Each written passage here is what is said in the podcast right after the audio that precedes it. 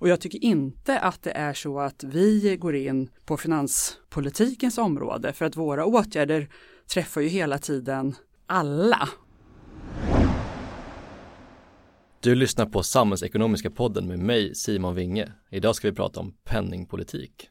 Show me the money. Så hur går en finansiell kris till? 400 000 euro motsvarar ungefär i svenska kronor 40 000 miljarder kronor. Det är lätt att vara populist och stå och lova mycket hit och dit. Men eh, du ska få ihop en budget. Många kommuner i Sverige har fått sämre ekonomi. Men det går bra för Sverige just nu. Absolut det bäst beska pillret som finns i januariavtalet. We are going to follow the money. Hej och välkomna till Samhällsekonomiska podden som leds av mig, Simon Winge, chefsekonom på Akademikerförbundet SSR.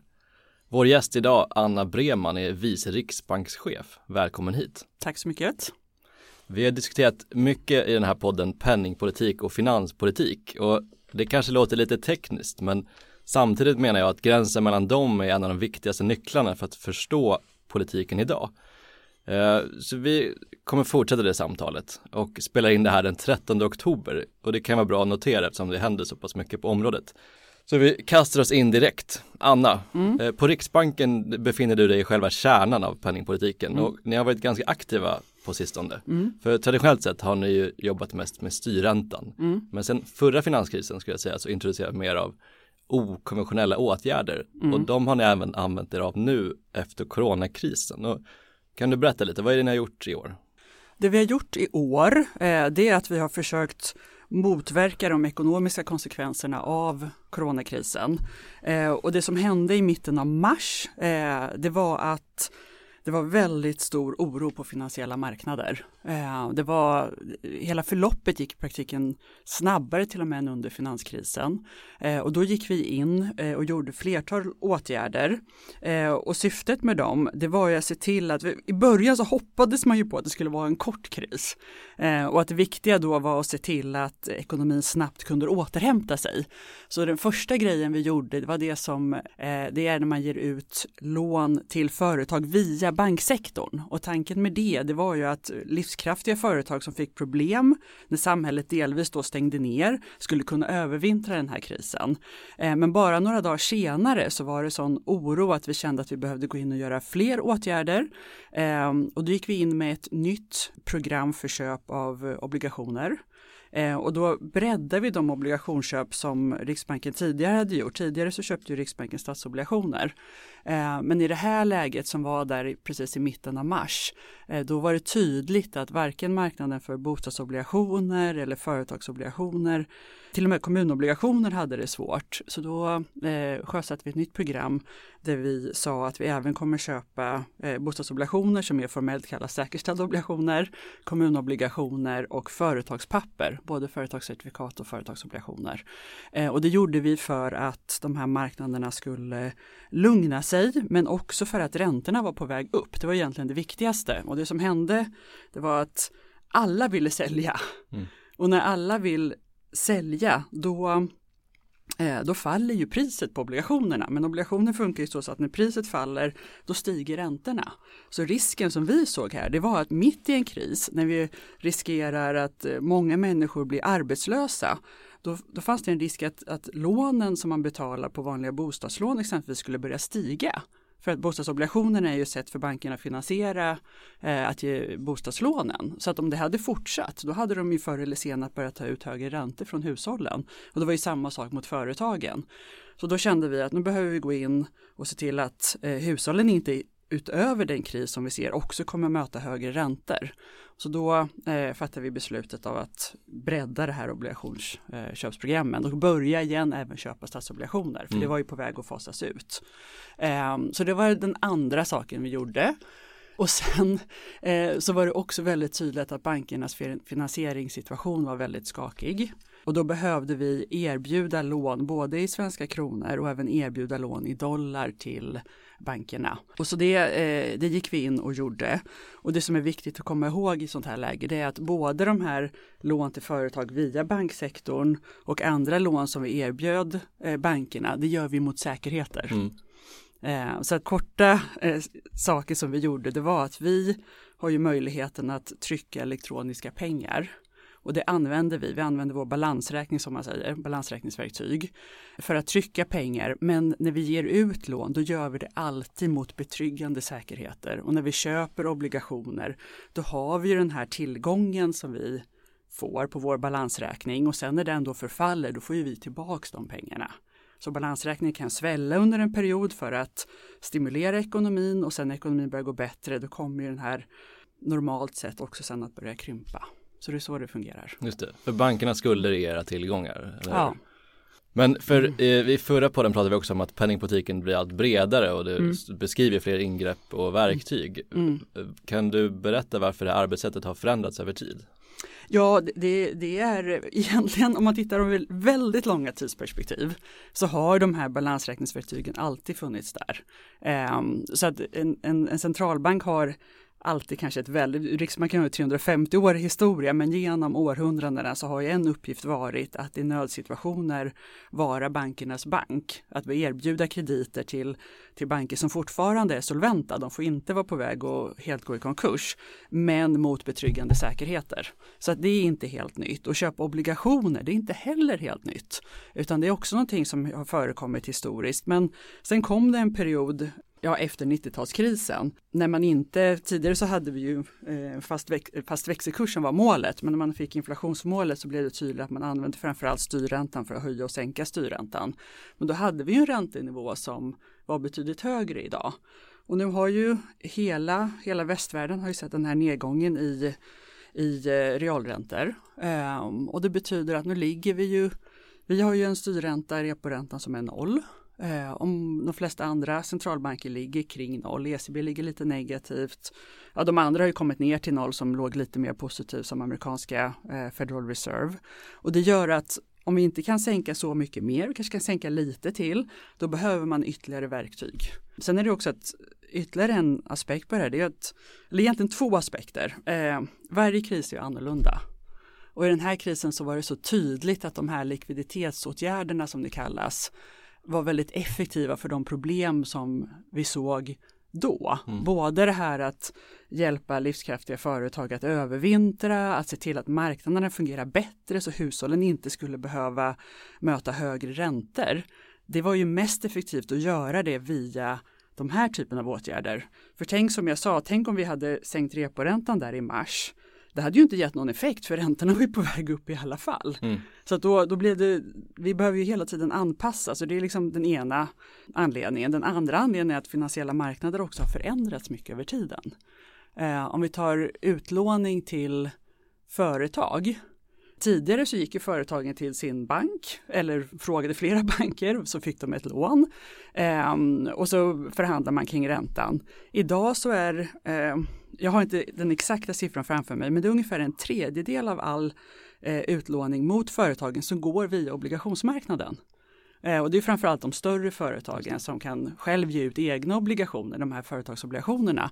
Men om man bara går via banksektorn eh, och inte går via obligationsmarknaderna, då missar man ju den tredjedelen som är där och den marknaden var Eh, den, den, det var den där vi såg att räntorna steg allra, allra mest eh, där i mitten av mars. Så att det gjorde eh, det var en anledning till att, att även avisera eh, att vi kände ett behov av att signalera att vi även kommer gå in och köpa företagspapper, alltså både företagscertifikat som har kortare löptid och obligationer som har längre löptid.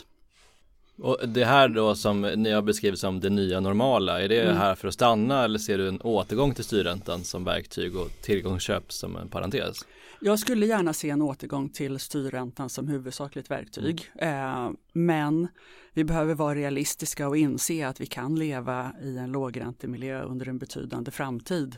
Och då kan de här balansräkningsverktygen eh, fortsätta att vara jag, tycker egentligen det är fel att kalla dem okonventionella idag. Det har blivit konventionell mm. penningpolitik. Eh, sen som sagt det här att ge nödkrediter till banker i stressade lägen, det är ju inte alls någonting nytt utan det har ju varit en av centralbankernas huvuduppgift. Eh, utan det som är lite mer eh, nytt, även om inte det egentligen heller som jag sa tidigare är nytt, det är ju mer de här eh, omfattande obligationsköpen. Mm. Men du, du beskriver coronapandemin här, har den mm. påverkat på något annat sätt? Du har varit inne på några dem, mm. men Förutom behovet av expansiva åtgärder, mm. hur skiljer den sig från andra kriser, till exempel förra finanskrisen då?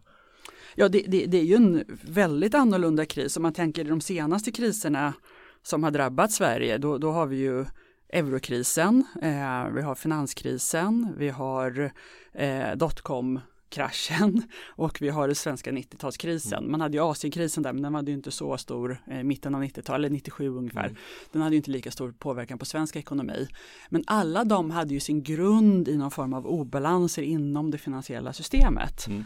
Eh, den här krisen orsakas ju av en en hälsokris. Eh, de senaste siffrorna jag såg och nu är det nog någon vecka sedan. Det, var, det är över en miljon människor som är runt om i världen som är bekräftat avlidna eh, i corona och jag tror det är en bra bit över 30 miljoner som är bekräftat smittade. Och det, det har ju bidragit till en, en kris när både då faktiska formella restriktioner som man sätter på människors beteende, eh, dämpar den ekonomiska utvecklingen och att människor av fri vilja eh, också ändrar sina beteenden. Och då har det dessutom då den här oron som det har skapat kring den ekonomiska utvecklingen påverkade eh, finansiella marknader kraftigt då i början av pandemin. Sen har ju de återhämtat sig mycket tack vare att centralbanker har gått in eh, med åtgärder för att stötta ekonomin och för att man ändå kan se förhoppningsvis en framtid där det ser bättre ut. Eh, så det, det, är en, en mycket eh, ovanlig kris som egentligen är en hälsokris som har spilt över i en ekonomisk kris. Och det såklart vi måste, an och det är det jag försökte förklara med att just de här åtgärderna sågs vi som mest effektiva i den här typen av kris. Nästa kris kanske är helt annorlunda, då kan det vara andra åtgärder som vi bedömer är mer effektiva. Mm. Jag tänkte vi skulle komma in lite med mm. ert mål. Mm. För ni är en fristående riksbank och du, mm. som du sa ska upprätthålla ett fast penningvärde mm. och främja ett säkert och effektivt betalningsväsende. Mm. Och det är, det är väldigt, väldigt brett. Och det är ja. någonstans kan ni ja. Hur begränsar man det och hur säger man då att allt ni gör uppfyller det målet? För att all ekonomisk politik mm. påverkar ju det här i någon mån. Men, men jag är glad att du gjorde den formulering som finns i riksbankslagen för det är ju vad betyder det här ett fast penningvärde? Vi har ju ansvar för att ge ut svenska kronor. Eh, antingen då trycka fysiska pengar som vi inte använder så mycket eller vad det som kallas centralbankspengar och det används i banksystemet, inte mot individer än så länge. Och vi har ju då ansvaret för att se till att de här svenska kronorna har ett fast värde över tiden. Och då, då har det siffersatt som en låg och stabil inflation, eh, KPIF eh, på 2,0 procent över tiden. Men sen har vi också ansvar för att se till att när man betalar med de här svenska kronorna att vi har ett säkert och effektivt betalningsväsende. Och det är en jätteviktig uppgift för det, vi har ett system inne på Riksbanken som kallas RIX eh, där man slussar alla betalningar som går mellan banker och andra finansiella institut genom det här eh, systemet som vi har. Och för att förstå magnituden av det så är det 670 miljarder i omsättning per dag som går via Riksbanken. Så när vi betalar en, en räkning eller när Eh, ett stort företag lånar pengar från en bank och sen betalar en leverantör, då finns det ju massor med betalningar som ska gå mellan de stora bankerna och även lite mindre banker och alla de pengarna slussas via Riksbanken varje dag. Eh, och för att det ska fungera då är det jätteviktigt att hela det systemet är säkert och effektivt. Det är också vår uppgift. Så allt det här hänger ju samman. Både ge ut de svenska kronorna, se till att, att penningvärdet är stabilt över tiden och att det går att betala med de här kronorna, att betalningsväsendet är säkert och mm. effektivt. Men om man nu tar, för du pratar om åtgärderna ja. gjort, de ja. hänger sig upp på det här målet. Ja. Eh, men vad, man kan tänka sig att väldigt många åtgärder kan hängas upp på det här målet för att det är så pass, eh, ja, brett. Hur tänker du kring det? Jo men det är ett, eh, alltså egentligen Tycker du att det är rätt att säga att, att målet är brett? För att eh, om du tittar på det som har oroat mig, det är att det nästan är en liten för snäv tolkning. Att man, att man, det vi säger det är ju att när du får din lön i slutet av månaden, mm. eh, då ska ju du kunna planera och ha en budget för hur mycket du behöver till hyra och hur mycket du behöver till mat. Och du ska över tiden kunna känna dig trygg med att det inte är så att oj, nästa månad så istället för att lägga 2500 kronor på mat så kostar det 4000 fast din lön är oförändrad. Utan det är ju liksom fundamenta i det här. Eh, och då har vi sagt att det mäter vi med ett inflationsmått som heter KPIF, även om vi självklart tittar på väldigt många andra mått. Och det ska vara ungefär 2,0 procent över tiden. Så det ska vara en låg och det ska vara en stabil inflation. Mm. Eh, och det är ju ganska tydligt och snävt definierat. Eh, så att, och det är ju vår målvariabel, att hålla den här låga och stabila inflationen över tid så att du inte behöver bry dig så mycket. Det är liksom kärnan mm. i det hela. Du ska inte behöva oroa dig hela tiden för att åh, nästa månad kanske jag inte klarar av att betala maten till barnen, utan man har det här stabiliteten i penningvärdet. Eh, och det är ju ganska, jag tycker det är ganska snävt mål. Mm. Så hur menar du med att det är brett? Ja, men jag, jag tänker, ta ett exempel det här, du sa att eh, Riksbanken bör bidra till klimatarbetet. Ja. Eh, därför att klimatkrisen kommer påverka den reella ekonomin och därmed eh, de här målen som Riksbanken har. Mm. Och jag menar, jag har ingen annan åsikt för klimatkrisen är vår tids ödesfråga. Mm. Men man skulle också kunna argumentera för att exempelvis sociala frågor är viktiga för stabiliteten i samhället mm. och därmed för ekonomin. Mm. och därför borde vara liksom en målvariabel under de här stora målen. Hur ser du på det? Hur väger man det mot varandra? Ja fast det, det där, ja, vi har en eh, målvariabel mm. och det är prisstabilitet, det är mm. inflationsmålet. Sen är det ju så att det finns ju massor med saker som påverkar prisstabilitet. Eh, arbetsmarknaden jätteviktig. Eh, hur inkomstfördelningen ser ut i samhället kan faktiskt också påverka. Det är massor med globala faktorer mm. som påverkar inflationsmålet. Klimatförändringar kommer förmodligen också påverka eh, hur ekonomin, redan nu kan man säga att det påverkar hur ekonomin utvecklas och det finns också diskussioner om det kan leda till exempelvis mer volatilitet i priser mm. eller både lägre eller högre. Och allt sånt måste ju vi ta in. Så att det, det, är en sak att vi måste kunna göra analys och förstå alla drivkrafterna för det som påverkar vårt mandat, vilket är prisstabilitet. Eh, sen har jag sagt att inom det mandatet, då är det möjligt att vi har, möj har möjlighet på att göra någonting för att utvecklingen inte ska bli sämre. Och då har jag sagt tre saker, men jag har hela tiden sagt att vi har, jag har aldrig efterfrågat ett dubbelt mandat. Det är jätteviktigt. Mm. Det är en jättestor skillnad att säga att man efterfrågar ha dubbla mandat, utan det jag har sagt att det vi kan bidra med, exempelvis är ju eh, forskning och analys, för vi behöver mycket mer analys kring den här frågan. Och ifall vi inte gör den analysen, när vi ser förändringar i makroekonomin, eller ekonomin som helhet ska jag säga, på grund av klimatförändringar, då, då står ju vi med en dålig analys och det kan vi ju inte göra. Vi måste ju förstå de här processerna. Eh, det andra är att vi har ju en övervakning av det finansiella systemet, jobbar internationella internationella organ. Och där kan ju vi exempelvis driva frågan om att informationen kring företagens exponeringar mot klimatrisker ska vara så god som möjligt. Eh, det, har vi, det pratar vi med eh, Svenska Finansinspektionen, att bankerna ska liksom redovisa risker och många gör det redan. Eh, vi har samarbete i NGFS som är Network for Greening the Financial System eh, där det också händer väldigt mycket inom liknande områden. Eh, och det kan vi göra. Sen är den tredje delen är ju frågan kring penningpolitiken. Eh, och där har vi sagt att vi behöver titta närmare på vad kan vi göra som ligger inom vårt legala mandat. Mm. Eh, och då finns det en diskussion just nu att ja, det kanske finns saker som vi kan göra. Det kanske går utanför mandatet och just nu håller vi på att titta på de frågorna väldigt noggrant. Mm. Eh, så att jag, som, som vi säger, jag har ju aldrig sagt att vi ska och vi ska ändra mandatet utan bara inom det legala mandat vi har, då ska vi se över vad kan vi göra. Och sen, jag höll ju tal i början av mars precis när coronapandemin höll på att utvecklas. Eh, jag har ju hela tiden också varit väldigt tydlig med att det, det, viktigaste är ju att vi får, i Sverige har vi ju en eh, koldioxidskatt, men att vi verkar för att vi ser det bredare runt om. Eh, I Europa har man ju eh, emission trading system, eh, nu, nu Utsläppsrättshandel. Tack, utsläppsrättshandel eh, som har skärpts, vilket vi ser goda effekter mm. av redan nu. Och eh, så att penningpolitiken kan ju i bästa fall vara ett komplement till annan politik som är mer effektiv. Men att vi överhuvudtaget tittar de här på, på de här frågorna det är också för att vi inte ska gå omkring och motverka de saker som händer inom andra områden. Det vore ju helt fel. Mm. För då blir det också att vi går emot vårt eget mandat med att vi ska upprätthålla prisstabilitet. Eh, så det, det, är liksom, det är så man ska se det, inte att man efterfrågar dubbla mandat. Men jag tänker att den här frågan är liksom så aktuell nu just för att det är gränsen mellan finans och penningpolitik mm. där vi började någonstans eh, den här mm. podden.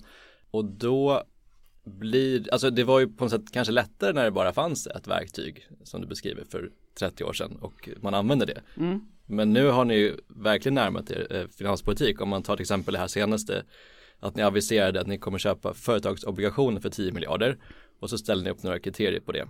Eh, men om man tänker att näringsministern skulle göra samma sak, att låna upp den summan från er och så ger han subventioner till vissa företag utifrån vissa kriterier, då är det mm. finanspolitik.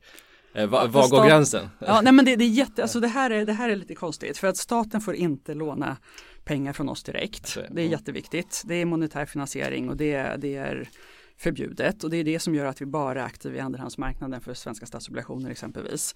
Men det, det, var någonting du sa i början som jag reagerade på. Vad var det första du sa? Eh, gränsen mellan finans och penningpolitik. Ja, men den är ju, alltså den är inte otydlig för att vi verkar via finansiella marknader. Mm. Uh, och det, det, är så som penningpolitiken verkar och det kan vara frustrerande ibland för vi kan bara verka via finansiella marknader. Uh, finanspolitiken har ju beskattningsrätten Eh, och fördelar pengar och det är en ganska tydlig uppdelning. Om du tittar på hur det har fungerat nu sedan coronakrisen så tycker jag det har fungerat eh, väldigt väl. Finans och penningpolitiken har kunnat vara väldigt bra komplement till varandra. Vi har kunnat gå in via finansiella marknader och motverka den oro och se till att hålla ett lågt ränteläge så att hushåll och företag kan känna sig trygga med att nu när det blir en kris så börjar inte räntorna stiga. Och sen har finanspolitiken gått in med mer riktade åtgärder mot speciella sektorer eller exempelvis mot arbetslösa eller via de här korttidspermitteringarna eh, som, som är en ganska eh, nya i Sverige. Så att jag tycker att här har vi verkligen kunnat utan att formellt koordinera så har vi åtgärderna verkligen kompletterat varandra på ett bra sätt. Och jag tycker inte att det är så att vi går in på finans politikens område för att våra åtgärder träffar ju hela tiden alla. Om du tar, tar, tar de här två grejerna som vi gör som är mer riktat mot företagssektorn. Då har du lån till banker för vidareutlåning till företag. Där har vi erbjudit eh, en ram på 500 miljarder och upptaget har varit 165 miljarder.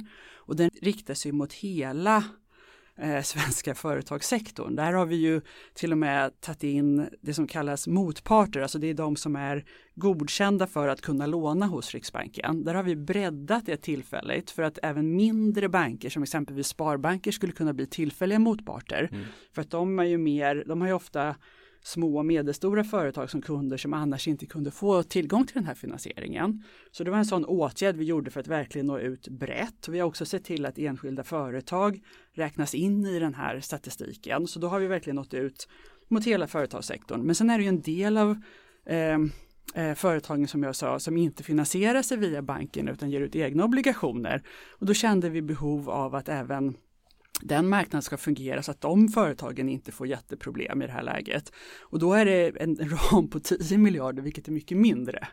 Så att vi har 165 miljarder brett i hela och en ram på 10 miljarder i företagsobligationsköp och sen en del företagscertifikat ovanpå det.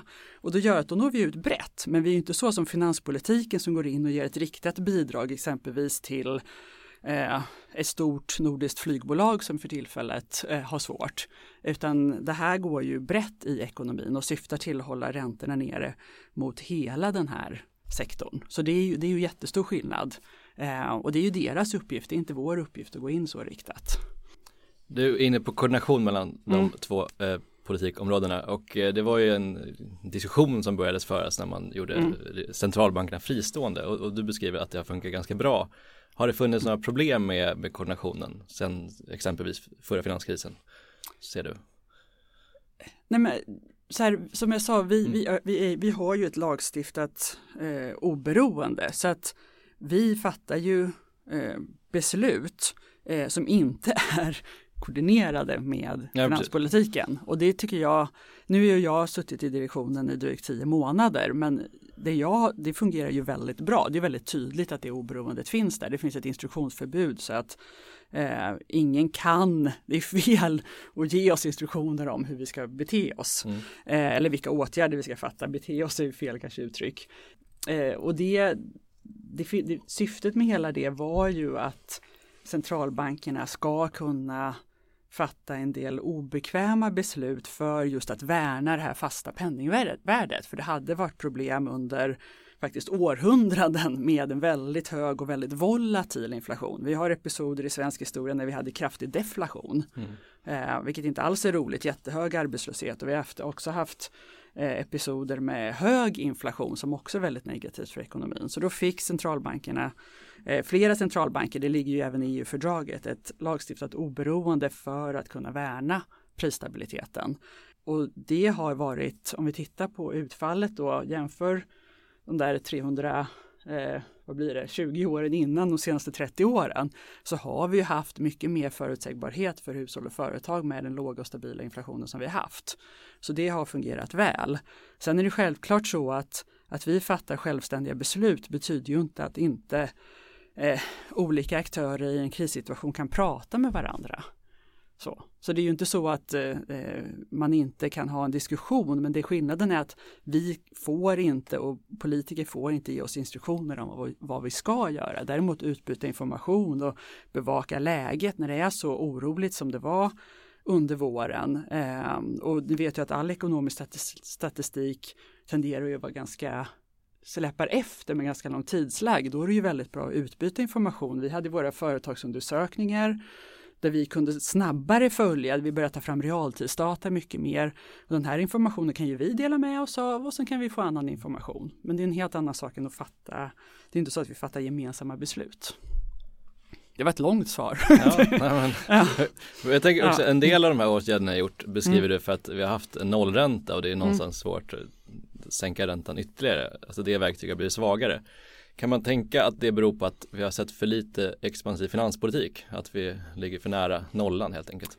Det finns ju väldigt mycket forskning som tittar på vad är det som har bidragit till att vi, vi har den här lågräntemiljön mm. idag i hela västvärlden. Eh, och det finns ett antal faktorer eh, som är viktiga. En av dem har har ju varit att vi har haft ett väldigt högt sparande runt om i världen. Det är inte bara i västvärlden utan även när Kina kom in på internationella marknader och började spara mycket så bidrog det också till en stor efterfrågan på säkra tillgångar och spara och det har tryckt ner ränteläget. Det är faktiskt en diskussion även om inkomstfördelningar. Att en eh, stor, en, I vissa länder, i Sverige är inte, inte lika eh, tydligt men i en del länder har en stor del av de ökningar i inkomster gått till de med allra högst inkomster och de tenderar att spara mycket jämfört med folk självklart med lägre inkomster som har en högre konsumtionsbenägenhet och det kan också vara en förklaring. Det finns demografiska faktorer, att vi har haft många i, som, som sparar mycket inför pensioneringar, eh, vilket faktiskt kan reverseras framöver. Så det finns flera olika förklaringar och sen ovanpå det så har man ju haft den här eh, ett relativt lågt inflationstryck med globalisering och andra saker som gör att Eh, det förmodligen också har bidragit till att pressa ner ränteläget. Så att eh, sen ovanpå kan man diskutera, har man haft en för åtstramande finanspolitik och då, då, då är det väldigt olika beroende på var man tittar någonstans. I många länder och inför eurokrisen så var det snarare andra problemet då att finanspolitiken var ganska aktiv, kanske inte alltid helt ineffektiv eh, och sen fick man statsfinansiella problem och efter det så blev det ännu mer fokus på att vara då återhållsam för att eh, skulddynamiken på längre sikt skulle vara hållbar. Mm. I Sverige har vi haft en eh, låg och stabil statsskuld nu under en längre tid och där kan man ju diskutera men det låga ränteläget är ju ett fenomen i hela västvärlden så mm. det går inte att säga att, att svensk finanspolitik har varit så åtstramande så att det gör att vi hamnar kring nollräntor. Det, det, det, skulle, det, det skulle vara en konstig analys mm. eh, skulle jag säga. Utan det finns väldigt många faktorer som har bidragit till det och jag har svårt att se att säga att finanspolitiken om man tittar på hela, väst, hela världen har varit för åtstramande. Eh, däremot finns det en diskussion nu om att en kanske mer expansiv finanspolitik skulle kunna bidra till lite högre ränteläge på sikt. Mm. Så. Men det är en helt annan sak. Det är, inte, det är inte den som är huvudförklaringen till att vi lever med ett lågt ränteläge och, och inte den svenska. Även om jag tycker det är en intressant diskussion och jag gjorde ju den tidigare i min förra roll mycket om vad en rimlig nivå och så vidare. Mm.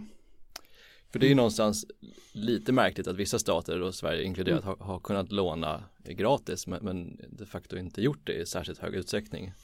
Hur, hur ser du på det mysteriet? Eh, alltså det är en fråga som man ska ställa till de som är politiker. Eh, för det är ju de som fattar de besluten.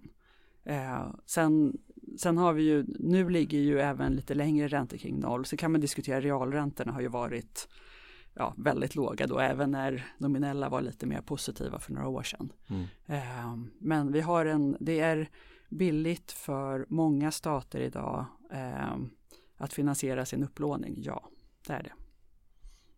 Men du måste ju alltid tänka att det finns ju en en dynamik i det här, som, precis som samma sätt som ett vanligt, jag, egentligen tycker jag inte man ska dra för mycket paralleller mellan vanliga hushåll och staten, det, det, blir fel. Men det finns en aspekt som ändå är relevant och det är ju när, om du ska låna till en bostad exempelvis, då måste du ändå ha medveten om att det här väldigt låga ränteläge som vi har nu kanske inte består om du ska bo där i 20-30 år. Det kan vi inte räkna med. För det är så, om du tittar på historien så har det haft stora förändringar i ränteläge över tid. Och samma sak måste ju stater även på längre sikt kunna hållbarhet i sina offentliga finanser.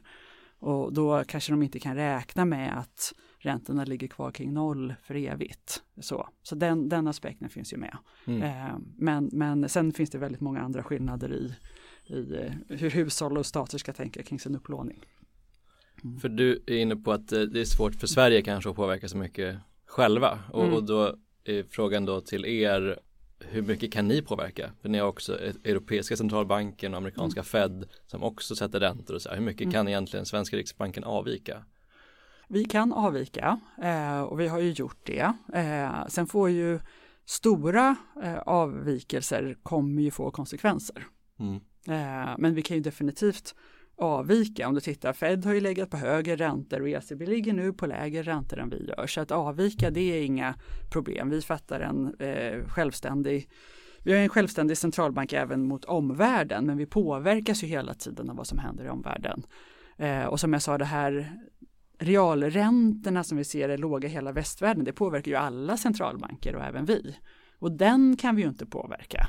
Vi kan inte säga att Sverige ska avvika och ha eh, och ha ett mycket högre ränteläge som någon form av jämförelsegrund jämfört med andra, för den, den ligger där den ligger. Så kan man tycka att okay, Sverige kanske har lite högre eller lite lägre eller någon form av neutral ränta som man kallar det jämfört med andra länder. Men det är inte så att det avviker i någon större omfattning mot eh, resten av världen. Det kan vi inte göra. Men i penningpolitiken har vi ändå möjlighet att avvika och vi behöver också anpassa penningpolitiken till svenska förhållanden.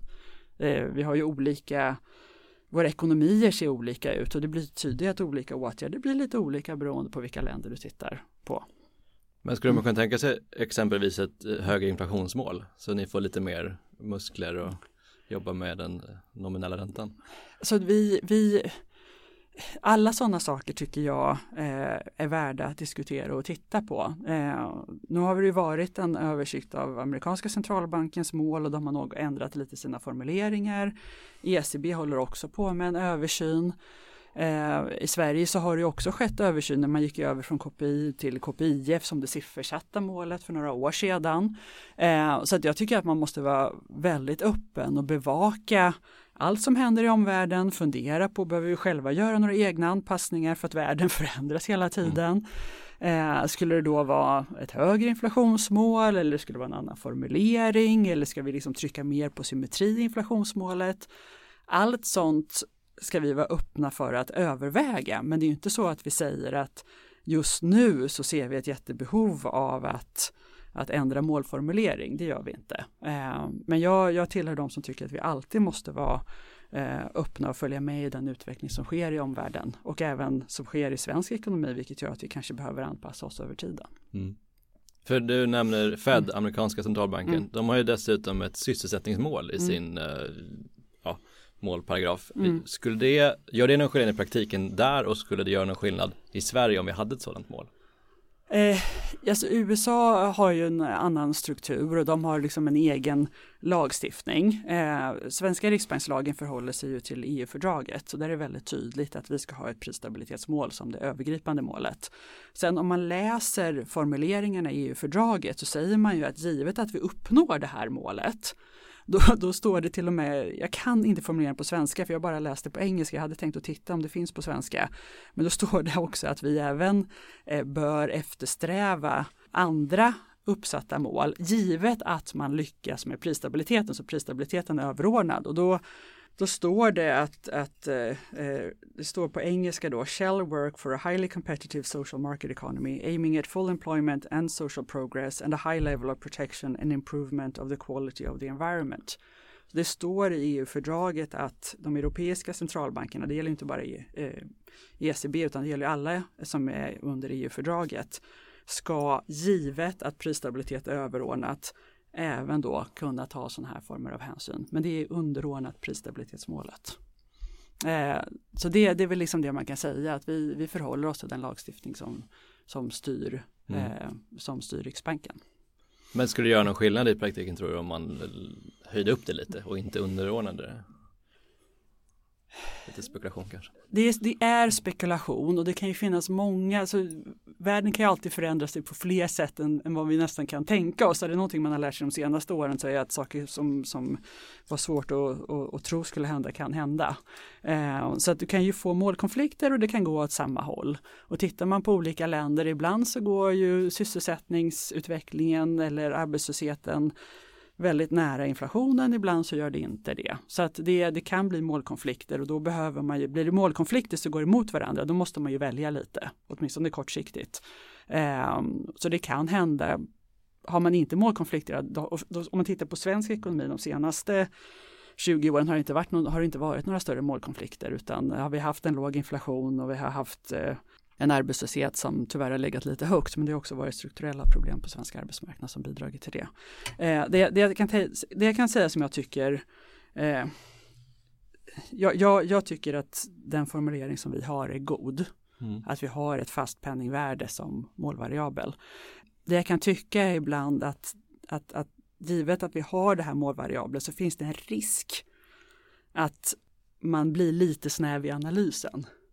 Att man, man ser de här 2,0 som, som, som 2,0 exakt medan det är väldigt viktigt att man tittar på alla faktorer som de facto påverkar eh, prisstabiliteten eh, och att vi är medvetna om att den här sättet vi mäter på är ju aldrig perfekt. Det finns ju många olika mått på inflation. Så det finns alltid en risk. Ta klimatfrågan som, som är spännande eller ta liksom arbetsmarknaden som, som är oerhört relevant för utvecklingen i hela ekonomin. Eh, eh den, om man, om man tittar på inflationen för allt för snävt perspektiv Tidigare så blev det som en ursäkt för central, vissa ska jag säga, inte alla, för en del centralbanker att säga att klimatfrågan är inte relevant för oss för att vi ska fokusera på inflationsmålet. Och då, då blir man ju, kan jag tycka nästan då blir man ju för snäv i sitt synsätt för då ser man ju inte att oj, nu kommer en jätteviktig fråga som påverkar ekonomins utveckling och i förlängningen påverkar det även prisstabilitet. Och så säger man att vi ska inte ens titta på den frågan för det är inte vårt mandat. Mm. Och, då, och det oroar mig lite och jag kan tycka att har man då liksom dubbla mandat då öppnar det ändå upp för en diskussion om hur komplex verkligheten faktiskt är. Och den, det är den, det, jag, jag tycker att det är som jag sa, det är bra att vi har ett mandat och det är överordnat. Men det får ju inte få oss att tro att inte allt annat påverkar det här. Det, det, den, den aspekten oroar mig ganska ofta för jag tycker att det blir ofta snäva diskussioner. Men det där är inte en fråga för er eller det där är inte relevant. Och ty, tyvärr är det snarare så att allt är relevant.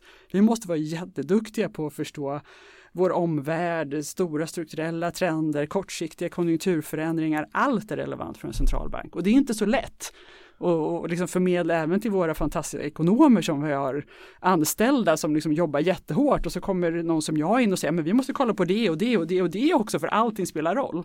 Men i verkligheten så är det väldigt komplext mm. och, och, nästan allting spelar roll. Så även om vi har ett tydligt mandat. Just det. Ja. Jag, har väldigt många frågor som relaterar till de här sakerna men mm. vi måste mm. försöka runda av tyvärr. Eh, så jag tänkte vi fortsätter, vi avslutar med att spekulera lite Okej. igen. Så vi tar fram spåkulan. Ja. Och då, du har nämnt inflation, att vi har Mm. en, den här låginflationsperioden är lite av en historisk parentes kanske. För historiskt är det ju eh, kriser och krig som utlöst inflation ofta. Eh, ofta genom då behovet av finanspolitik därefter. Och nu ser vi ju det igen. En kris. Eh, så frågan är, kom, om vi kollar framåt, kommer vi få inflation eh, och kommer det bli då, kommer den här parentesen vara slut? Och varför, varför inte? Jag känner mig trygg med att vi kommer ha en låg och stabil inflation. Och det är för att om vi skulle se kraftiga inflationsimpulser, att vi ser att inflationen skulle av olika anledningar börja sticka iväg, då har vi verktyg för att motverka det. Eh, så att jag känner mig trygg med att, att svenska hushåll och företag ändå kan känna att i Sverige så kommer vi fortsättningsvis ha en låg och stabil inflation. Eh, Sen om vi ser liksom den här inflationstrycken som kommer som då nu när man kanske snarare haft svaga inflationsimpulser exempelvis globalt då som även har föd, födit in i, i svensk inflation Eh, så det är möjligt att det kommer reverseras. Det är möjligt. Eh, det finns mycket diskussioner kring det och vi följer dem. Det är även diskussioner kring det, både då kanske mer expansiv finanspolitik som kommer från många länder som skulle kunna bidra till det. Det kan också vara demografiska förändringar, ehm, få stora förändringar i arbetsmarknaden. Många människor går i pension och det blir faktiskt kanske brist kraftig brist på arbetskraft i, i många länder i västvärlden som skulle kunna börja leda till högre löneökningar. Det finns många anledningar till att det kanske skulle kunna reverseras. Men jag känner mig väldigt trygg med att vi faktiskt kan hantera ett sådant scenario. Tack så mycket. Tack. Och det var allt från Samhällsekonomiska podden idag. Vi tar oss an de stora samhällsfrågorna med både ekonomisk och facklig utgångspunkt. Samhällsekonomiska podden görs av Akademikerförbundet SSR, Sveriges ledande samhällsvetarförbund.